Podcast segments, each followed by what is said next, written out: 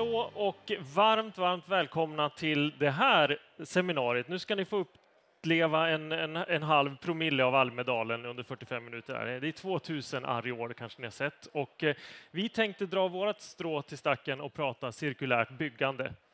Det är mycket som händer inom det och jag har hört eh, andra arenor som, som är på cirkulär ekonomi från olika håll. Och, eh, jag tänkte inleda med att berätta Eh, min mentala resa inom cirkulär ekonomi, det här började 2010 när, när eh, teoribildningen var stor. Och för mig var det ett, ett, gick jag från från hopp då till en senare fas av förvirring och nu inne i ganska mycket pragmatism. Hoppet kommer sig helt enkelt av att det cirkulärekonomi utlovar är ju en, en, en, planet där vi kan ha tillväxt med ändliga resurser, därför tillväxten bygger inte på det, utan det vi gör är att vi sätter looparna istället och då blir tillväxten, liksom farten i loopen, den kan vi öka då. Och det här var ju en lösning på, på liksom en av de stora stötestenarna inom hållbar utveckling. Eh, sen när man börjar förstå det där mer och mer så kommer man in i att det handlar om en stor, stor samhällsförändring. Hur ska vi förändra en samhällsekonomi? Eh, ganska enkelt med ett linjärt system eh, tills det, tills det bryter. Men ett, ett ekosystem av aktörer som handlar av varann och, och där varorna inte flödar och materialflödena inte kommer så enkelt som de gör, utan det här är nya typer av plattformar och samarbeten. Då blir man ju ganska förvirrad och undrar vem kommer att börja dra i det här? Hur ska vi liksom ta oss framåt mot den här komplexa omställningen? Men på något sätt så börjar vi ju ändå. Och för några år sedan så blev det uppenbart att det började hända återbruksprojekt och fastighetsbolag började labba med det här. Industrier började förstå att ja, men det här är ju inte ett avfall, det är ju en, en resurs för någon annan. Det är en restström som vi kan ta betalt för istället för att betala för att bli av med. Och i takt med att det där hackar sig framåt så kommer man ju till en punkt där vi nu ser då, och det ska ni få höra från Elisen här, att eh, i takt med att energipriserna rasar eller uppåt och att eh, materialpriserna också rasar uppåt så börjar det bli ett läge där vi tror att det är dags att kunna gå storskaligt mot cirkulär ekonomi. Och det är den fasen vi är i och då ska det bli jättekul att höra vad eh, svenska stora fastighetsbolag, hur de tänker, vad de gör och vad de har på sin agenda när det gäller det här. Alltså mitt namn är Andreas Gyllenhammar och jag är hållbarhetschef på Sweco. Nu kickar vi igång det här cirkulära byggandet som tar fart med data och nya verktyg. Och vi ska börja med en presentation från Elise Grosse som är hållbarhetschef inom Architects på Sweco. Elise har tagit fram en ny rapport som just sammanställer kunskapsläget när det gäller data och verktyg. Data och verktyg är nycklar för att låsa upp en, en cirkulär ekonomiresa. Och eh, Elise, du kan väl komma upp och berätta vad vi har kommit fram till i de här rapporterna. Hur mycket verktyg hittar vi egentligen på marknaden och hur mycket data finns det? Du kan väl börja där. Och framåt är neråt, helt enkelt. framåt är neråt. Ja, titta. Nej men hörni, alltså det, det, det, egentligen kan vi det här med cirkulär ekonomi redan. Kretsloppstänket, det är ingen svårighet. Det får vi lära oss redan i grundskolan. Så att man kan väl säga att den här äh, avfall, att producera avfall i en linjär ekonomi, det slänger vi, eller hur? Emma, du fångar bollen. Och varför då? Jo, men vi ser ju det. 40 procent av världens koldioxidutsläpp från bygg och fastigheter. I Europa vi skapar 36 procent av Europas avfall. 50 till 70 procent av en byggnads klimatutsläpp kommer från material nu när vi kan bygga energieffektivt. Och 55 procent av världens industriella klimatutsläpp från fem material. Stål, cement, papper, plast och aluminium. Om jag frågar min dotter som är 12, är det här OK? Hon säger, mamma, du är ju en bov. Så alltså vill jag förändras. Och här har vi ju bra med incitament nu att förändras. Inte minst 70 procent av bygg och rivningsavfall ska nu cirkuleras enligt ett direktiv från EU. Nu har vi luppen på oss att redovisa det här. 50 procent av klimatreduktionen kan vi åstadkomma om vi ställer om till en cirkulär ekonomi. Det säger i alla fall Ursula von der Leyen, vår EU-kommissionär. Och vi har ju nu här under våren sett en prishöjning på byggmaterial, 30-40 procent och i vissa fall 120 procent. Det här tycker jag är incitament för att gå från trash till cash med hjälp av värdeskapande design. Men inte kom vi hit för att bara stoltsera med en flott rapport och stå och prata. Nej, det här är en call to action för alla oss. Därför så sa vi, låt oss bygga med avfall i Almedalen. Ulla, min chef här borta, det tyckte hon var en bra idé. Men det är bara det att klockan var i början på maj, så att det kändes ju lite ont om tid. Och det är ofta så det är i ett byggprojekt. På något sätt goda idéer, men det är alltid ont om tid. Men vi tänkte, nej, vi går inte dit och bara pratar. Det är call to action. Så vi ringde Ragn-Sells. Jajamensan, vi har jättemycket avfall. Det är bara att komma och ta. Bra, sa vi och satte igång och skissa. Sen tänkte vi att det kanske är ändå bra att kolla in det här avfallet. De säger att de har allt och det är där på plats. Men det är bäst att kolla det. Jaha, det var ju en skräphög. Då insåg vi att vi behövde anlita fem pers i två dagar bara för att sortera avfallet och dra ut de här spikarna som satt där i den gamla råsponten. Sen var vi tvungna att anpassa designen rejält därför att avfallet hade ju inte de kvaliteter som vi hade föreställt oss. Och sen kom uppgiften att övertyga den byggare vi hade anlitat. Nej, men det kallas för avfall idag. Men om ni bara tänker att det är byggnadsmaterial så kommer det här gå bra. Nej, det där var en tankevurpa som inte alltid alla var mogna till. Men vill ni veta mer om hur man gör trash till cash, då kan ni ta en liten sväng till Kramergatan här. Där står vår återbruksmöbel som vi lyckades svänga ihop och där finns också QR-koder som länkar till den kunskap och den insikt vi har gjort i våra återbruksprojekt. Så ska ni ta med er någonting, hörni, i vår bransch, vi kan inte göra någonting själva om vi ska stilla om till de cirkulära processflödena. Vi behöver varandra. Men call to action på det och låt oss dela kunskapen. Vi är här för att vill ni ha vår kunskap? Den är gratis på internet, Urban Insight. Eller vill du liksom kunna känna och ta på den? Då går du bort till Kramergatan. För det är det här vi ska göra. Vi går från industrialismens fokus på en jätteeffektiv linjär process men som har en begränsad tidsrymd. Take, make, use, dispose och sen bryr jag mig inte vad som händer med trashet. Till rethink, reuse, transform. Det är en systemomställning i våra hjärnor som måste till, men en slags back to the future. Vi kan det här i våra ryggrad, att vara resurseffektiva. Tänk på din mormor eller morfar som stod där och spikade ut den där krokiga spiken. Så jag tänker nu dra här på, vad är det, tio minuter jag har kvar. Kort lite omvärld. Varför? Lite projekt, inspirera och sen lite verktyg och metoder. Och vill ni läsa mer grund, grundligt om det så går ni här till Urban Insight så kan ni ta till er det i lugn och ro. Det är vår kunskapsdelning som vi delar med er. Men som Andreas nämnde, inflationen, den är inte så dålig i Sverige. Den är bara på 7,2 procent här i maj. I vissa ställen i världen är den uppåt hundratals procent. Där kan ni tänka er effekter på det är ett nytt, nytt marknadsläge. Och är pengar verkligen så mycket värt ifall de bara sticker upp och ner? Är det inte de verkliga resurserna som verkligen har ett värde när du har en sån kraftig inflation? Stigande priser, material, energi, drivmedel. Precis, det här är verkliga resurser. Det här är behov.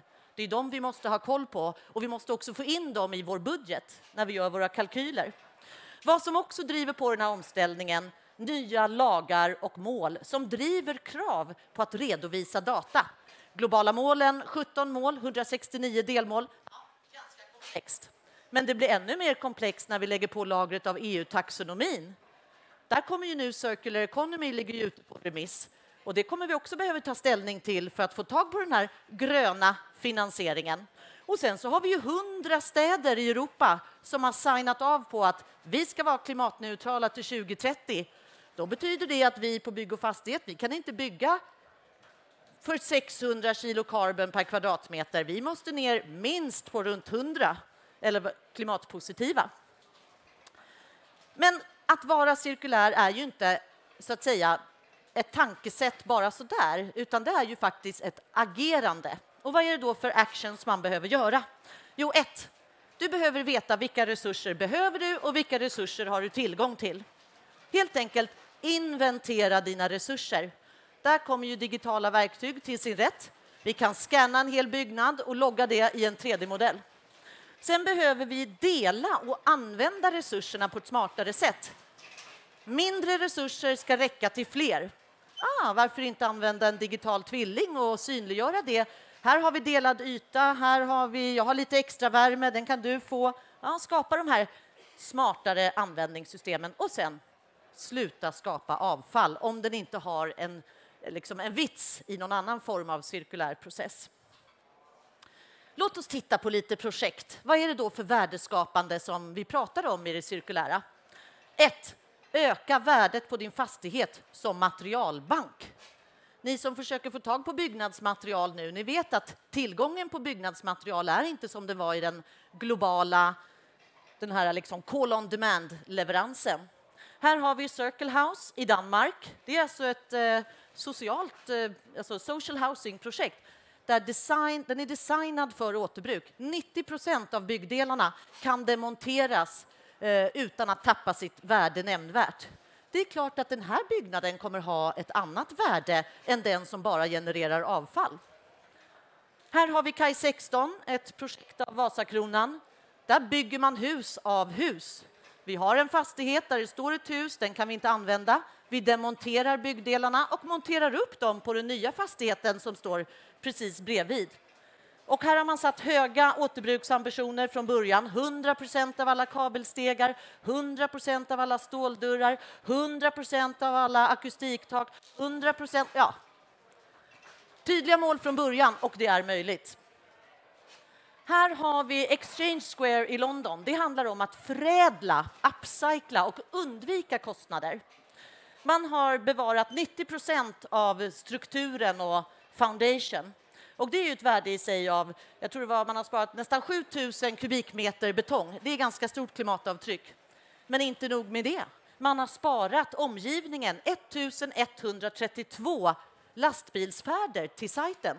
Då pratar vi buller, störningar och belastning på vägarna. Det här har också ett värde. Men brukar vi ta in det här värdet när vi gör våra kalkyler, bevara eller riva och bygga nytt? Här har vi ett exempel från Stockholm, Blickhotell. Det här var ju en byggnad med väldigt låga takhöjder, 2,40, små gluggar till fönster i ett A-läge. Den vanliga fastighetsägaren säger nej, det där är inte funktionellt, vi behöver göra nytt. Men med ett multidisciplinärt team gick vi in, inventerade var, är för, var sitter värdena här och vad kan vi tweaka med förändringar så att vi får in dagsljus och vi får in en bättre funktion. Idag är det ett fashionabelt hotell vi undvek, genom att vi skannade byggnaden med digitala verktyg, skapade den här 3D-modellen, så kunde vi snabbt räkna ut att värdet, klimatvärdet på det vi återbrukade, de material vi bevarade, 3600 ton koldioxid. Men vad betyder det för dig? Jag har i alla fall ingen särskild känsla för det. 100 kronor, absolut, det vet jag värdet på. Men 3600 ton koldioxid, vad är värdet på det? Då fick vi översätta till kronor och ören så undvik en kostnad är 120 miljoner kronor genom att vi bevarade så väldigt mycket av byggnaden. Det var en gammal magasinbyggnad från 30-talet. Och om vi bryter ner det på kvadratmeter, 8 000 kronor per kvadratmeter. Ja, det vill jag höra sen Filip och Emma om ni tycker att är det en intressant siffra? 8 000 kronor per kvadratmeter. Jag vet att jag kan bygga ganska mycket för 8 000 kronor per kvadratmeter. Och vad består den siffran av? Jo, Mesta var ju undviken materialkostnad, att vi slapp köpa nya material. 86 miljoner kronor var värdet på materialen. Det fick vi direkt ut ur modellen. Och idag är det 30-40 procents påslag på den siffran. Undviken samhällskostnad för koldioxiden, de här 3 600 ton, tar vi det gånger 7 kronor kilo som är Trafikverkets schablonkostnad, 24 miljoner kronor. Ja, det känns ganska skönt. Och undvik en avfallskostnad på 700 kronor kvadraten. Det var också 20-25 miljoner kronor. Så fastighetsvärdet då? Det är ju det som är det intressanta. Absolut. Fastigheten var köpt, investeringen var avsevärd, men fastighetsvärdet hade ändå ökat med över 200 procent. Så på alla fronter, win-win. Så låt oss tänka med tanken här. Nu ska vi energirenovera hela Europa. Risken är att många byggnader rivs för att de har dålig energistandard, man inte riktigt gör förarbetet. Låt oss säga att vi tar 10, 100 eller det finns tusen sådana byggnader som är av den här tunga betongsorten och lite hopplösa, men att vi ändå gör oss besväret att transformera dem. 120 miljarder kronor är undviken kostnadspotential. Vad kan vi göra med de pengarna? Till exempel bygga världens största offshore vindkraftspark, Dogger Bank. Mm, då gör vi ju faktiskt skillnad på Europas fossila beroende om vi skulle göra den här investeringen, inte bara vinsten på byggnadssidan. Så när vi ska jobba med cirkulär ekonomi, då kronor och ören i en inflation som går så här, nej, det är inte särskilt stabilt. Vi måste lära oss de andra värdena, kilowattimmar, koldioxid, cirkularitet, tid, euro. Allt det där spelar roll också för den gröna finansieringen. Man vill ha datan på det här för att skapa trovärdighet. Green Asset Screener, ett verktyg som en fastighetsägare kan göra en snabb screening för sin fastighet för att se status, hur man ligger till vad gäller hållbarhet, certifieringar, OVK, lagstiftade saker. Här får man en snabb överblick. Det är sånt som Sweco bjuder på. I rapporten kan du också läsa om fem stycken punkter för cirkulärt värdeskapande som du också kan kolla för din fastighet och göra en sån gap-analys. I rapporten ser du också en mängd olika verktyg som du har mest nytta av i olika skeden. När du ska bygga, när du ska designa, när du ska bestämma om du ska återbruka eller riva.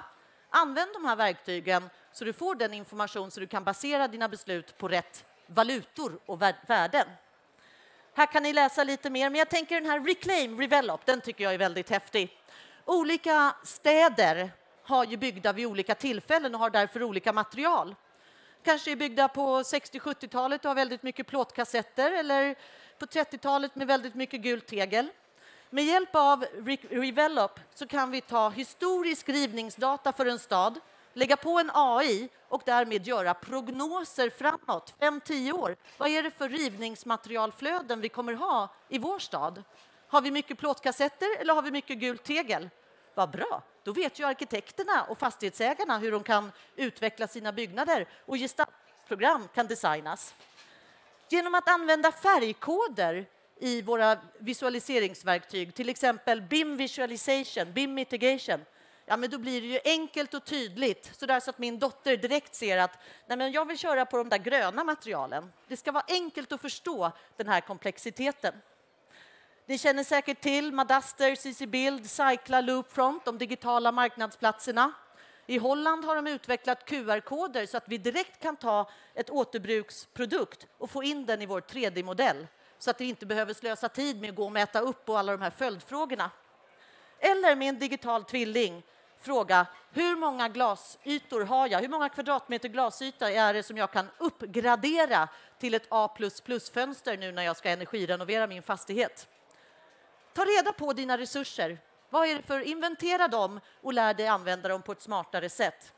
Därför 90 procent av alla byggnader 2050, de finns redan idag. 35 miljoner byggnader ska energirenoveras i Europa om vi ska vara i linje med våra energimål till 2030. 70 procent av vårt bygg och rivningsmaterial ska cirkuleras.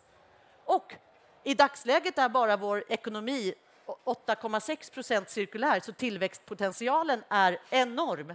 Och inte minst det där exemplet Blickhotell. 8 000 kronor kvadratmeter kan du spara i kostnader om du har en sån här fet betongbyggnad. Så det här är en call to action. Det här kan vi bara lyckas med, det här värdeskapandet, om vi gör det tillsammans. Inventera, dela, cirkulera och data. Det är så du får tag på den gröna investeringen. Tack! Tack för det, Elise. Superkort fråga innan vi tar upp panelen. Eh, det här gjorde vi som en genomlysning hos våra 18 000 konsulter. Var du förvånad över det du såg när vi liksom gick ut och frågade vad finns det egentligen? Nej, alltså det var ju faktiskt inte egentligen en så grundläggande genomlysning. Vi slängde väl lite mejl till våra åtta eh, länder i Europa och fick ett enormt gensvar. Vi fick, på två veckor så fick vi 50 stycken så att säga, bidrag där de hade beskrivit det är det här verktyget, det är den här datan, det är det här värdeskapande och du får den här aktören. Mm. Och i det här är det kanske bara 10-15 som är med. Mm. Så att det finns så mycket mer och det berättar om den utvecklingstakt som sker nu på fronten av digitala verktyg och metoder som stödjer just mm. data och information för att kunna fatta bra beslut vad gäller cirkulärt värdeskapande. Mm. Men det kräver ju att fler börjar använda det och att vi också på Sweco blir bättre att ta då det här verktyget som mm. Holland använder, implementera med det i den svenska kontexten och här Carbon Cost Compass, vi skickar det till England och till Holland tillbaka. Det här utbytet. Jättebra. Och nu ska vi höra från fastighetsbolag som ska materialisera det här och, och använder det. Hur jobbar man idag med cirkulär ekonomi? Och det här blir en tung panel kan jag säga. Vi har 15 miljoner kvadratmeter uthyrningsbar yta snart på scenen här och då välkommen upp alltså. Eh, då har vi Filip Elland, hållbarhetschef på Castellum. Varm applåd till Filip.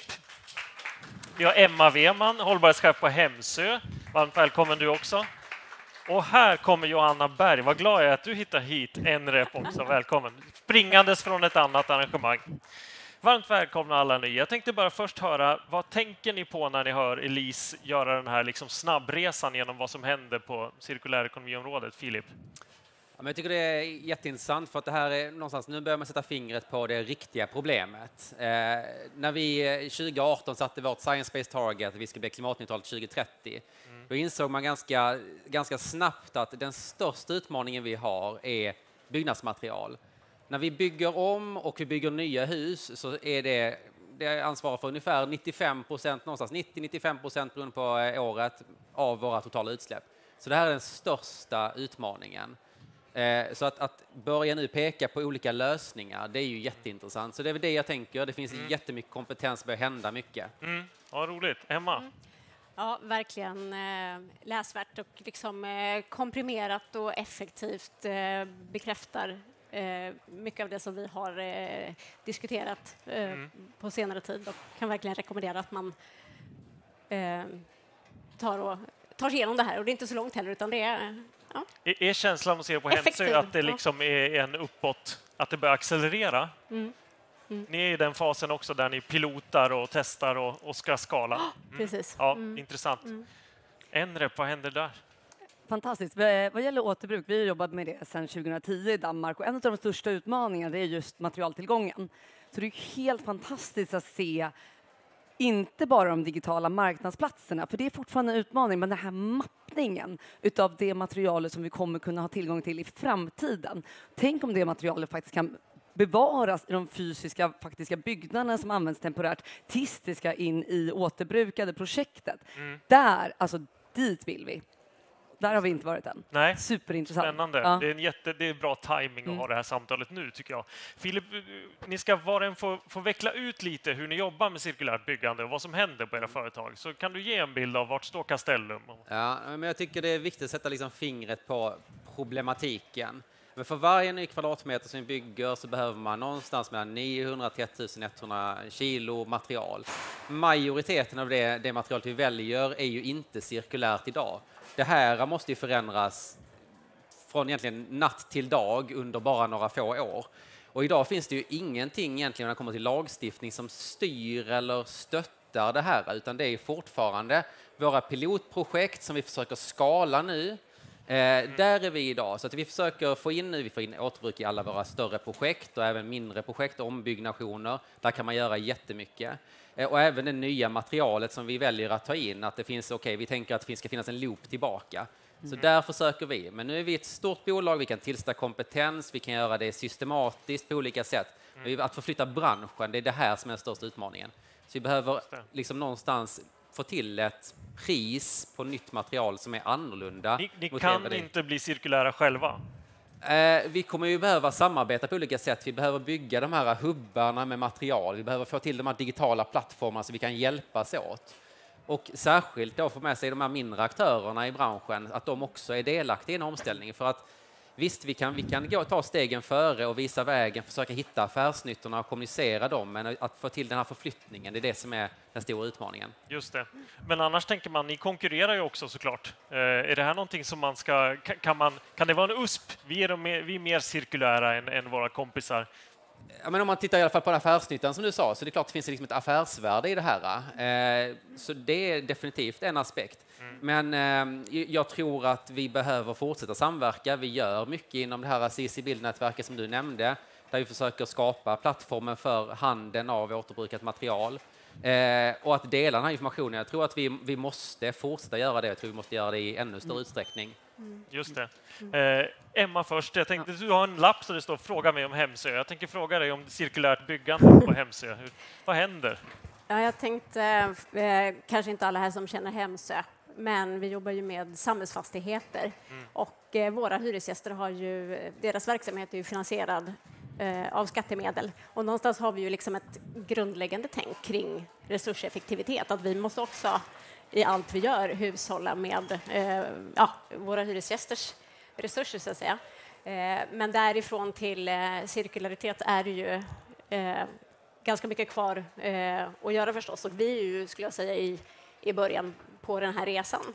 Men har eh, sedan en tid tillbaka ställer vi krav på egentligen att undersöka möjligheterna till återbruk i alla större projekt. Och det har ju lett till allt ifrån små eh, åtgärder där man prövar sig fram i väldigt liten skala, vilket också är jätteviktigt att våga, våga göra, till några större eh, satsningar eh, där vi jobbat med eh, ja, att utveckla egentligen eh, befintliga, kanske eh, rivnings vid första anblick rivningsmässiga byggnader till, till någonting nytt eh, och med väldigt stort återbruks... eh, Vad, vad har ni sett? Vad har du liksom tagit till er under den här resan? Vad, är, vad, är, vad har varit jättelätt och, och överraskande svårt? Och, Ehm, nej, men det har väl handlat mycket om att frågorna behöver komma in eh, tidigt i processen för att man ska lyckas. Eh, att hitta det här gemensamma engagemanget i, i projektteamen förstås. Och att man har vänt och vridit på ganska många olika stenar och sen också att man har behövt prioritera. ehm, så här. Och det här är ju väldigt mycket lärande just nu och att övervinna kanske vissa gamla myter eh, relaterat till er eh, rapport här också, liksom ändå roligt med de här kronorna och eh, örena och att kunna peka på att det finns också monetära eh, resurser att hämta faktiskt för att man ska våga ta de här stegen. Johanna, jag är jättenyfiken på att höra hur er resa och vart, vart är ni i den och vad har ni eh, gjort och lärt er? Alltså jag blev så angelägen på att kommentera på Hemsö och, och så det är så himla viktigt att vi som bransch delar med oss av våra lärdomar. För hur ska vi kun, annars kunna accelerera det här? Alla ska inte behöva göra samma misstag. Och När vi började med återbruk i Danmark så var det så här, men vilka byggnadsmaterial används mest i bostadsproduktion? Är det betong och tegel? Okej, då måste vi arbeta med de materialen och se hur kan vi hitta lösningar för att de här materialen ska kunna återbrukas i stor skala. Sen en annan utav våra lärdomar, om jag var direkt på det, som jag själv blev väldigt fascinerad av, det är just att inte testa i liten skala. För att just när man jobbar med återbruk av material så är det så stora processer, det är bearbetning av material, det är, materialen skördas idag. Så för att det ska vara ekonomiskt genomförbart så behövs det en stor skala som går tvärt emot den vanliga liksom, innovationsteorier. Eh, Men vi känner, vi, vi är ju förbi pilotfasen, alltså vi jobbar ju med storskalig återbruk i Danmark och de lärdomarna tar vi med oss till, till Sverige nu. Vad är er primära drivkraft i det arbetet? Eh, när vi startade, eh, det handlar om att använda våra resurser på ett bättre sätt. Eh, det handlar om att identifiera och se vilken koldioxidbesparing vi kan göra. Det är inte alltid det är eh, lägre koldioxidavtryck bara för att man jobbar med återbruk. Men just att man inte nyttjar nya resurser skapar också en stolthet och en identitet och en historia som man bevarar på platsen som också är ett otroligt viktigt värde och som vi tänker i nästa steg kan uppmuntra och bidra till att de som bor eller nyttjar fastigheten eh, tänker efter och kanske uppmuntrar till en hållbar livsstil på ett annat sätt. Har ni riggat om er på grund av det här, den utvecklingen som vi är inne i? Liksom, har, ni, har ni andra kompetenser? Har ni, driver ni affärsutvecklingen på ett annat sätt? En, en annan viktig lärdom det är att det går inte att arbeta så som man vanligtvis arbetar i traditionella processer när man jobbar med storskaligt återbruk. För att det går i varandra på ett helt annat sätt. När vi genomförde de här, liksom, när det var innovationsprojekt, liksom, då, då klev vi in som största ägare i Ländager. Eh, och de var ju både arkitekt och materialproducent. Men vi bjöd också in entreprenören till att ta en del i investerar och utvecklarrollen. För de var ju de som faktiskt satt på genomförandet och behövde vara med och dela den här risken. Men det var ju ändå vi som investerare och utvecklare som också kunde ta del av det största värdet. Och den är också viktig, att vi har ju faktiskt sett att i de projekten så är det längre eh, köer för att få bo där och lägre omflyttningar. Så vi ser ju att det är ett ökat värde som är skapat. Mm. Intressant. Filip, känner du det? Är det tryck nu från hyresgästerna? Vi ställde ju en retorisk fråga i inbjudan. När kan vi flytta in i ett cirkulärt fastighet? Men jag, jag tycker att eh, nu jobbar vi med kommersiella fastigheter då, till skillnad från bostäder och jag kan säga så att Vi har ju flera större kunder, alltså större företag, där man faktiskt vill ha återbruk. Man ser det som en, eh, en, en fördel, man ser det som attraktivt. Mm. Och jag tror att man måste gå, liksom, eh, precis som ni, ni, ni har tänkt till på och som du beskrev också Elisa, att ja, men vi måste ta det från att prata avfall till att det faktiskt är en resurs. Alltså det är den här förändringen och att vi också gör det attraktivt. För jag tror precis som du säger att det finns en identitet, alltså när vi liksom nyttjar från gamla byggnader, att man liksom tar tillvara på de här olika värdena som finns och faktiskt gör någonting unikt som man inte får annars. Det blir ett unikt och spännande objekt och det är den, det som kommer driva också den här omställningen för att liksom få till ytterligare då värden utöver de här liksom kostnadsbesparingarna. Mm. Så det finns, det finns mycket som talar för det, men fortfarande så är det för liten skala. Det tittar vi på lagstiftning, så tillbaka till det, så Eh, det finns egentligen ingenting som hjälper oss i den här riktningen idag, utan vi måste få till mer styrning på det här området. Det bästa huset vi kan bygga om man ska följa EUs taxonomi eller om vi ska följa BBR, det är att det ska vara ett fuktsäkert hus, låg energianvändning, tjocka väggar, tätt hus. Mm. Men att, det ska vara, att man ska välja cirkulärt materialval, det finns ju inte med alls i kalkylen, så det är inte det som vi kommer att se i stor skala. Så där kommer man behöva tänka om helt och hållet för att få till den här nödvändiga förändringen. Just det. Vad har ni fått erfarenheter av det på Hemsö? Bromsas ni liksom av, av, lagstiftning eller kvalitet eller avfallsdefinitioner? Eller? Ja, men utifrån de erfarenheter vi har eh, hittills så, så kan man säga att det kan ju vara eh, ja, men det här med garantifrågan är ju frågor som har eh, kommit upp och eh, ja, lagkrav, det kan vara mm, säkerhet, brandskydd och så. Alltså hur ska man se på de här mm. återbrukade produkterna. Och där delar vi ju gärna eh, erfarenheter med er då, som kanske har... Vi får se sen. Ja, det låter bra. och, och, det kan ja. vara när det ska bygga om så kickar det in en sån tillgänglighetslagstiftning att då måste det andra dimensioner. Och ja, där, till exempel. Till exempel. Ja, Hur löst, har vi löst det? Nej, men, eh, en utmaning är ju verkligen för att ha den här lagerhållning av material. Om man tar rivningsmaterial och, och lägger det där så blir det avfall. Och hur får vi tillbaka det materialet upp in i värdekedjan? Så där krävs ju en förändring för att vi ska kunna lagerhålla på ett effektivt sätt. Och då kanske lösningen är att de får sitta kvar i de befintliga byggnaderna när det, när det är möjligt. Eh, men annars så är det såklart liksom garantiansvaret är ju en fråga och liksom ska man jobba med CE-märkning och vilka standarder Eh, och det har vi löst från, från, fall, från, från byggnadsdel till byggnadsdel. Just Men det är ju materialproducenten som har tagit det ansvaret. Mm. Ja. Mm. Filip, du har varit inne på det här med data, att det är trickigt med data. När det gäller, vi har precis lärt oss räkna på koldioxid på något sätt här mm. och nu, nu kommer den här stora cirkulära datamängden. Hur ser den ut hos er? Vad har ni för planer? Bygger ni system kring det här? Eh, data generellt sett i ett fastighetsbolag, det är en, det är en utmaning generellt sett och det är alltifrån liksom vilken yta det ens är som är registrerad för det här huset, vad är det för ATM. Vi köper och säljer fastigheter, det kommer ju beroende på vem som har ritat, hur gammalt, så är det alltid en utmaning, vad är det vi har egentligen? Mm. Så att data, och data är ju helt nödvändigt för att vi ska kunna, om man säger nyttja kanske, om man ser varje hus som någon typ av legobygge, för det är den enklaste tanken tycker jag. Men det är ett legobygge. Ja, men vi har de här äh, gröna bitarna där, men de här kanske vi skulle kunna nyttja i det här äh, mm. nya eller ombyggnationen som vi gör här borta. Då finns det ett värde som vi kan ta tillvara. Så hela nyckeln här är ju att få till någon typ av liksom dataflöde med information som man kan nyttja över hela sin portfölj och i förlängningen förhoppningsvis över, liksom, över branschens gränser. Mm. För det här med lagerhållning av det, risken är att det blir stående i den där källaren. För återbruk skulle jag säga, det är egentligen bara ett nytt begrepp. Det har vi ju hållit på med hur länge som helst. Mm. Att man har ställt ner det där eh, ventilationsaggregatet där nere, eller de här fönstren där nere och sen blir de bortglömda. Men datahanteringen och, och nyttjandet av den här informationen, det är det som är, det är som är nyckeln framåt. Mm. Ja tänkte vi ska komma in lite på krav, hinner vi också. Vi räck gärna upp handen om det är någon som har någonting att tillföra här så släpper vi in. Det finns en springmick där bak. Men Elise tänkte jag höra, du som är konsult, du jobbar ju med återbruksinventeringar. Vi har många hos oss som, som jobbar med det. Märker du av att vi, de börjar ställa krav på oss i, i projekt att, att det här ska vi kunna, det här ska vi kunna leverera? Vad, vad kan det innebära? Ja, absolut så ställs det ju krav på och eh, det är ju underbart positivt att det ställs de här kraven och att frågorna finns. Eh, tidsaspekten kan ju vara kritisk ibland eh, och det är också viktigt att få med flera kompetenser när man gör de här typen av inventeringar. För att, jag menar, hållfasthet på, en, på materialen är ju ett sätt. Sen så finns det ju andra aspekter, till exempel kulturarv. Det är ju ett annat värde. Du pratade om identitet eh, och liknande.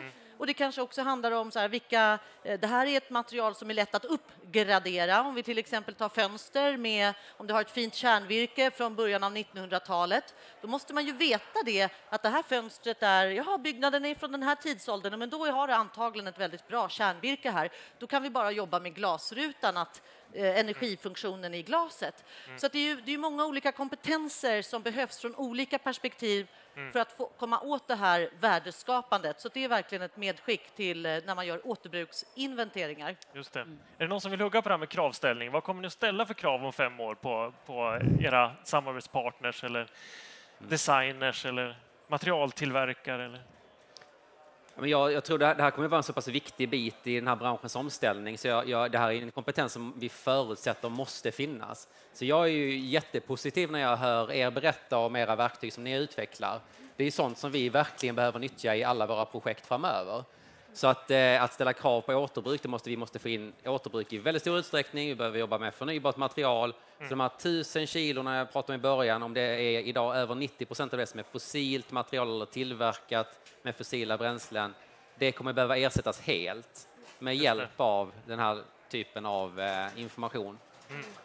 Vi har varit på det från olika håll, men om ni skulle konkretisera det lite mer. Vad är det egentligen som krävs för att ni ska kunna skala upp och snabba på? Att gå själv och gå tillsammans. Vad, vad, hur, vad ligger i era strategier? Ja, men bara på, på krav. Vi, kommer, vi har ju våra CO2-mål är att vi 2028 ska vara netto noll CO2 i produktion och drift 2028. utan extern kompensation. Det är nu det. Eh, exakt som jag tänker så här, du frågar om fem år. Mm. Då är eh, alltså det är det som gäller. Ja. Och för det så krävs det ju inte bara att vi ställer krav, utan det krävs ju helt nya lösningar. Vi tittar ju på nya material, nya processer, Mm. nya samarbetskedjor och det är ju det som krävs. Och det krävs ju igen att vi som bransch delar med oss av de lärdomarna. Mm. För det här är ju ing- det, det kommer bara fungera om det finns förutsättningar för de här nya materialen att skala upp. Så som ensam bolag kan vi inte göra den skillnad som vi som bransch behöver göra. Sen vad gäller återbruk vore det bra med ett krav på när man ska riva en byggnad, hur mycket, vart det materialet ska ta vägen. För jag tror att det där, att vi sätter interna krav på, på, invester, alltså på investerare, och beställare och fastighetsägarsidan, det är inte tillräckligt. Utan det är En, en sak som jag snappade upp från SSAB igår i, i Skanskas trädgård så nämnde de att ja, visst, vi kan cirkulera, men det kommer behövas mycket nytt material. Det räcker liksom inte med befintlig byggstock i, i, i material. Så. Hur ser ni på det? Sätter ni mål efter hur, hur pass cirkulära kan ni bli liksom, om ni bygger nytt? Kommer det bli fight om gamla material nu? Det är ju redan fight om gammalt material om man tar stål i alla fall. Det, det, det är ju, det, om jag inte är helt fel, 25 procent någonstans där är, är, cirkulerar ju. Det är en, det är en resurs som är ganska enkel. Så att på så vis så, så är det ju en fight om det redan idag, eh, vilket sätter priset på kanske det nya materialet på, på ett annat sätt. Men bara för, jag skulle bara vilja bara för att beskriva lite grann vart branschen är med ett målande exempel. Bra. Vi har ett, ett projekt i, i Stockholm, Hornsberg, där man har, eh, håller på att göra en större renovering. Vi plockar ner fönsterpartier, stora delar av liksom fasad, stommen, ventilationssystem. Vi hade ungefär 200 större glaspartier, fönsterpartier, hyfsat bra skick, men de passar inte längre i det här bygget. De ville vi för att någon annan skulle nyttja. Det enda möjligheten, det var en kille från Estland som kom med sin bil och då fick vi betala för emballaget av de här varorna och han kom och hämtade dem gratis. Där är branschen idag för att liksom sätta fingret på det. Det måste förändras till 2028, 2030 eller var vi är någonstans. Måste tänka om helt. Hur skulle du vilja att det funkar i din drömvärld? Ja, men I drömvärlden så skulle det vara, ja, men här, nu plockar vi ner de här 200 partierna, nu ska vi ha in kanske, för det, är en- det ska vara en annan, annan storlek, det ska vara en handelsplats, vi plockar dem därifrån, från det bygget, där de ska riva. Vi kan sälja de här partierna, det finns en plattform för det och det är, det är någonstans ett branschsamarbete som driver det här.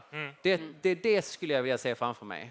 Det, det är en stor del av nyckeln. Just Och sen är det ett pris på, på det nya materialet som inte är där det är idag. Även om vi har en inflation nu på, byggnadsmaterial som är, är stark så, så behöver det, det, det jungfruliga materialet prissättas helt annorlunda. Okej. En faktor. För, ja, men för att skapa marknadsdrivkrafterna för det. För här är en hel bransch som kan etablera sig. En jättepotential. Du hade fingret upp, Johanna. Ja, men det var bara med, fönster. Vi har ju återbrukarfönster i ett av våra projekt i eh, Köpenhamn, Upcycle Studios. Och då var det just en stor bostadsförening som skulle göra energirenovering och vi har ju liksom Nordens högst ställda krav på Eh, eller i Norden har vi ju så höga så här. Och då kunde vi ta de tvålagsfönsterna, sätta ihop det så det blir fyrglasfönster med en exteriört och interiört ra- ramverk, skapa superspeciell eh, arkitektonisk gestaltning som är karaktär för den byggnaden. Jättebra, stabil struktur. Ja, vad bra. Titta, nu kommer händerna upp här. Då ska jag be att få en, en mikrofon så ska vi fånga upp det. Här framme har vi flera. Vi börjar där. Är jag på, på gång? U- Ja. Uno Svedin, Stockholm Resilience Center, Stockholms universitet. Vi sysslar med sånt som eh, planetära gränser och sånt. Jag gillar i hög grad det här seminariet. Tycker det är head on, det är precis det som behövs för det nästa stora steget. Eh, det var tre delar som jag har fångat upp av Eh, det här eh, eh, seminariets utmärkta presentationerna. Den första är det som först nu, den allra sista vändan, kom upp med värdet av de här eh, materialen. Gillar speciellt det där kärnvirket. Det är ju typiskt, då kan man inte säga trä som trä utan det finns en variation på det och det kanske också en tidsfaktor i eh, någonting som kanske var billigt förut och kanske dyrare eller det är en selektion. Priset på, på de här eh, varorna. Den andra eh, har ju med arbetet. Det har ni inte tagit upp så mycket men det är klart att det är några som ska riva och det är några som är kunniga på dittan och det är på- eh, på den andra. Och det är ju en stor mobilisering. Jag skulle misstänka, och det är en fråga då till panelen, är det inte på det sättet att just det här arbetskostnaden är den som läcker in? Så det är inte bara att säga att nu har jag eh, ett ton stål Eh, och sen så tittar man i tabellen hur mycket kostar stålet nu. Utan det är hur detta stål av olika slag som dessutom är eh, på olika sätt eh, blandat med annat eh, som då ska plockas ut. Så det är en arbetsdel. Och sen är det också en kunskapsdel. Det vill säga de som ska göra det här kan ju inte bara eh, liksom, eh, dra fram eh, den stora crosstraktorn och sen så demolera, utan det måste ju vara en ganska stor finess på denna kunskap och då måste den kunskapen byggas upp. Tre bitar som häller, eh, håller ihop och eh, tack för seminariet. Ja, men tack så mycket. Tack för fina kommentarer. Vi- Jag tycker vi, eh, ni kan få hugga på vad ni vill, men jag vart ju nyfiken på det där med arbetskostnad också. Det, det låter som en, en dark horse. Vem vill svara? Ja, men jag kan svara ur, ur mitt perspektiv. Jag, jag, eh, ur Castellus perspektiv så tänker vi att ja, men det som är nyckeln framåt är också när vi bygger in det så behöver det också kunna demonteras.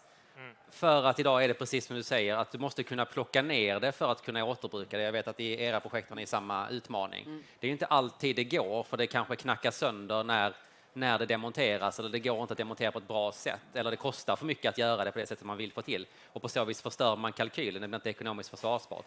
Så du måste ju också med det nya du sätter in, eller det återbrukade du sätter in, också titta på hur det görs så att det faktiskt går att plocka ner, som det här legobygget. Just det. Det är ju en nyckel. Elisa, hade du- Blickhotell, hur mycket kostar det? Rivningen? Ja, jag har inte siffran på vad rivningen kostar, men jag, jag vet att eh, fastighetsägaren då var väldigt framsynt och tog en så framtung investering, både vad gäller att, så att säga, inventera vilka värden som fanns, få upp det, scanna det och få upp det i den här digitala modellen. Eh, och sen då som de, de extra konsulttimmar som krävdes, absolut. Men paybacken kom ju sen, både med att man hade 80 stycken hotellverks, alltså drifter som anmälde intresse innan det var klart. Det ökade fastighetsvärdet och sen hur man, det värdeskapande som man har gjort för omgivningen på grund av den identitet och historia som man har lyckats bevara. Så det är det, när man gör de här kalkylerna och budgeterna, du måste ta med alla olika värden och översätta de olika valutorna på något sätt, då, då får du det där värdeskapandet. Just det. Vi hade en fråga. Här har vi en kompis. Mm. Hej Andreas. Hej! Andreas Hus från RISE. Eh, ni pratar mycket om den här, eh, det som behövs är en plattform. Det finns ju redan många plattformar. Varför flyger inte de och varför, eller vad, vad ska vi göra för att de ska flyga? Vi har ju, eh, Loopfront, eh, Palats, eh, CC Bill är väl störst och ni väl flera är inne på dem, men de flyger inte riktigt. Vad är det som behöver göras? Superbra fråga. Eh, jag tror att det är enkelt. Det behövs en större skala och det här är fortfarande bara ett steg på vägen att ha de här plattformarna. För vi vill egentligen ha det här materialtillgången också. Där är så just in time och vi behöver veta vilket material vi har att tillgå mycket, mycket tidigare. Eh, och det är först när vi kommer dit som det blir riktigt, riktigt skalbart och lätt att arbeta med en jättestor plattform. Ska, ska EU göra en? Jag vet. Ja, tidsfrågan är ju jätteviktig. Ofta så håller man på ett rivningslov fram till två månader innan. Då plötsligt så läggs det upp att nu ska vi riva här. Medan ett bygglov och, eller en detaljplan och bygglov och de processerna, de tar ju flera år. Så man håller på att planera. Så här har du ritat in så att säga din ditt gestaltning här borta och sen så ska du bygga här och då måste det gå svinsnabbt. Då ska det vara på 36 månader och sen ska det vara inflyttning. Medan rivningen är två månader innan det annonseras. Därför jag nämnde det där, Revelop, så att du kan prognostisera vilka materialflöden du har lokalt. För ni vill ju inte hålla på och frakta det där över kors och tvärs över landet. Du vill ju så att säga ta materialet där det finns. Vi, tiden rinner ut, men vi tar en fråga till. Du har räckt upp handen så ivrigt. Ja, tack så mycket. Eh, eh, Jag heter Astrid och jag är aktiv i Grön ungdom. Eh, Och det var väldigt intressant att lyssna på er här.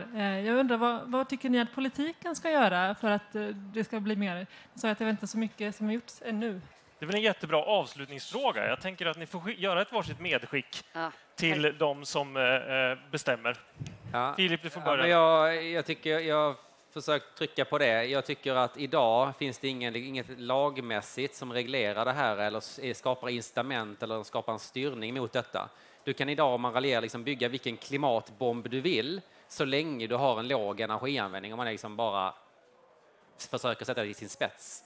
Så det är ju att försöka påverka lagstiftning, att det faktiskt tvingar oss att, att, att göra detta. För att det kommer ske hos oss som är stora aktörer, vi kommer försöka hitta värdena i det, men att flytta hela branschen, det, det, det är en nyckel framåt. Bra tips. På- Höj botten. på nationell nivå och sen på kommunal nivå. Stockholms stad tog ju faktiskt förra året fram en handlingsplan för cirkulärt byggande som är fantastiskt genomarbetad. Vi har en nära och god dialog med miljöförvaltningen och Stockholms stad tittar faktiskt nu på, och de vet att det inte är den långsiktiga och bästa lösningen, men de tittar på hur kan de etablera en logistikhubb för att få igång den här marknaden. Så där kan man liksom, och eh, även på kommunal nivå, ställa krav i markanvisningar. Just det. Eller snarare vid jämförelseförfarande uppmuntra kravställa på det här. Emma, vad är på din önskelista? Ja, nej, men jag kan ju instämma med er båda. Och eh, lite på mer generellt eh, plan kan man väl konstatera att mycket av lagstiftning som vi har överlag på en rad olika områden, den är ju inte skapad för de utmaningar de vi har idag, de hållbarhetsutmaningar vi står inför. Så att eh, här behövs ju Gärna stora stor rejäla omtag. Ja. Mm, just det. Johanna? Mm. En jätteviktig del också. Eh, som kommun måste man också våga Köpenhamns stad, när de eh, beviljade bygglovet för vårt eh, tegelfasad Research Rose, första gången någonsin som beviljar bygglov utan att veta den slutliga fasadgestaltningen, kräver andra typer av detaljplaneprocesser. Det går inte att detaljstyra på samma sätt och det behöver vara större förtroende mellan parterna och knuffa vissa beslut senare. Och det pågår också internt på Stadsbyggnadskontoret just nu. Elise, du får också önska en julklapp innan Jo, vi men vi, stänger vi lådan. driver ju ändå återbrukspolitiska samtal med politiker på vår eh, återbruksmöbel där borta. Så att vi har lite koll på vad som sägs. Och det ena är just det här flexibla gestaltningsprogram i detaljplanerna. Där har Örebro ett väldigt bra exempel hur de jobbar med det. Man kan öronmärka återbruksgestaltning. Att, ja, men där kan vi ha en särskild flexibilitet. Titta på Örebro där. Och sen så handlar det också om den här momsfrågan, arbete eller primärt material. För i dagsläget, vem tar springnotan på koldioxiden? Ja, det gör ju ni på Grön ungdom och alla andra. Då så, det får bli slutorden i det här eh, seminariet som jag hoppas ni har tyckt har varit eh, upplysande. Det tycker jag. Och stort tack för era bidrag. Vi har lärt oss mycket och vi ser att cirkulär ekonomi inom byggande kommer att hända. Det är lika bra att haka på tåget nu så man inte missar det. Tack så mycket!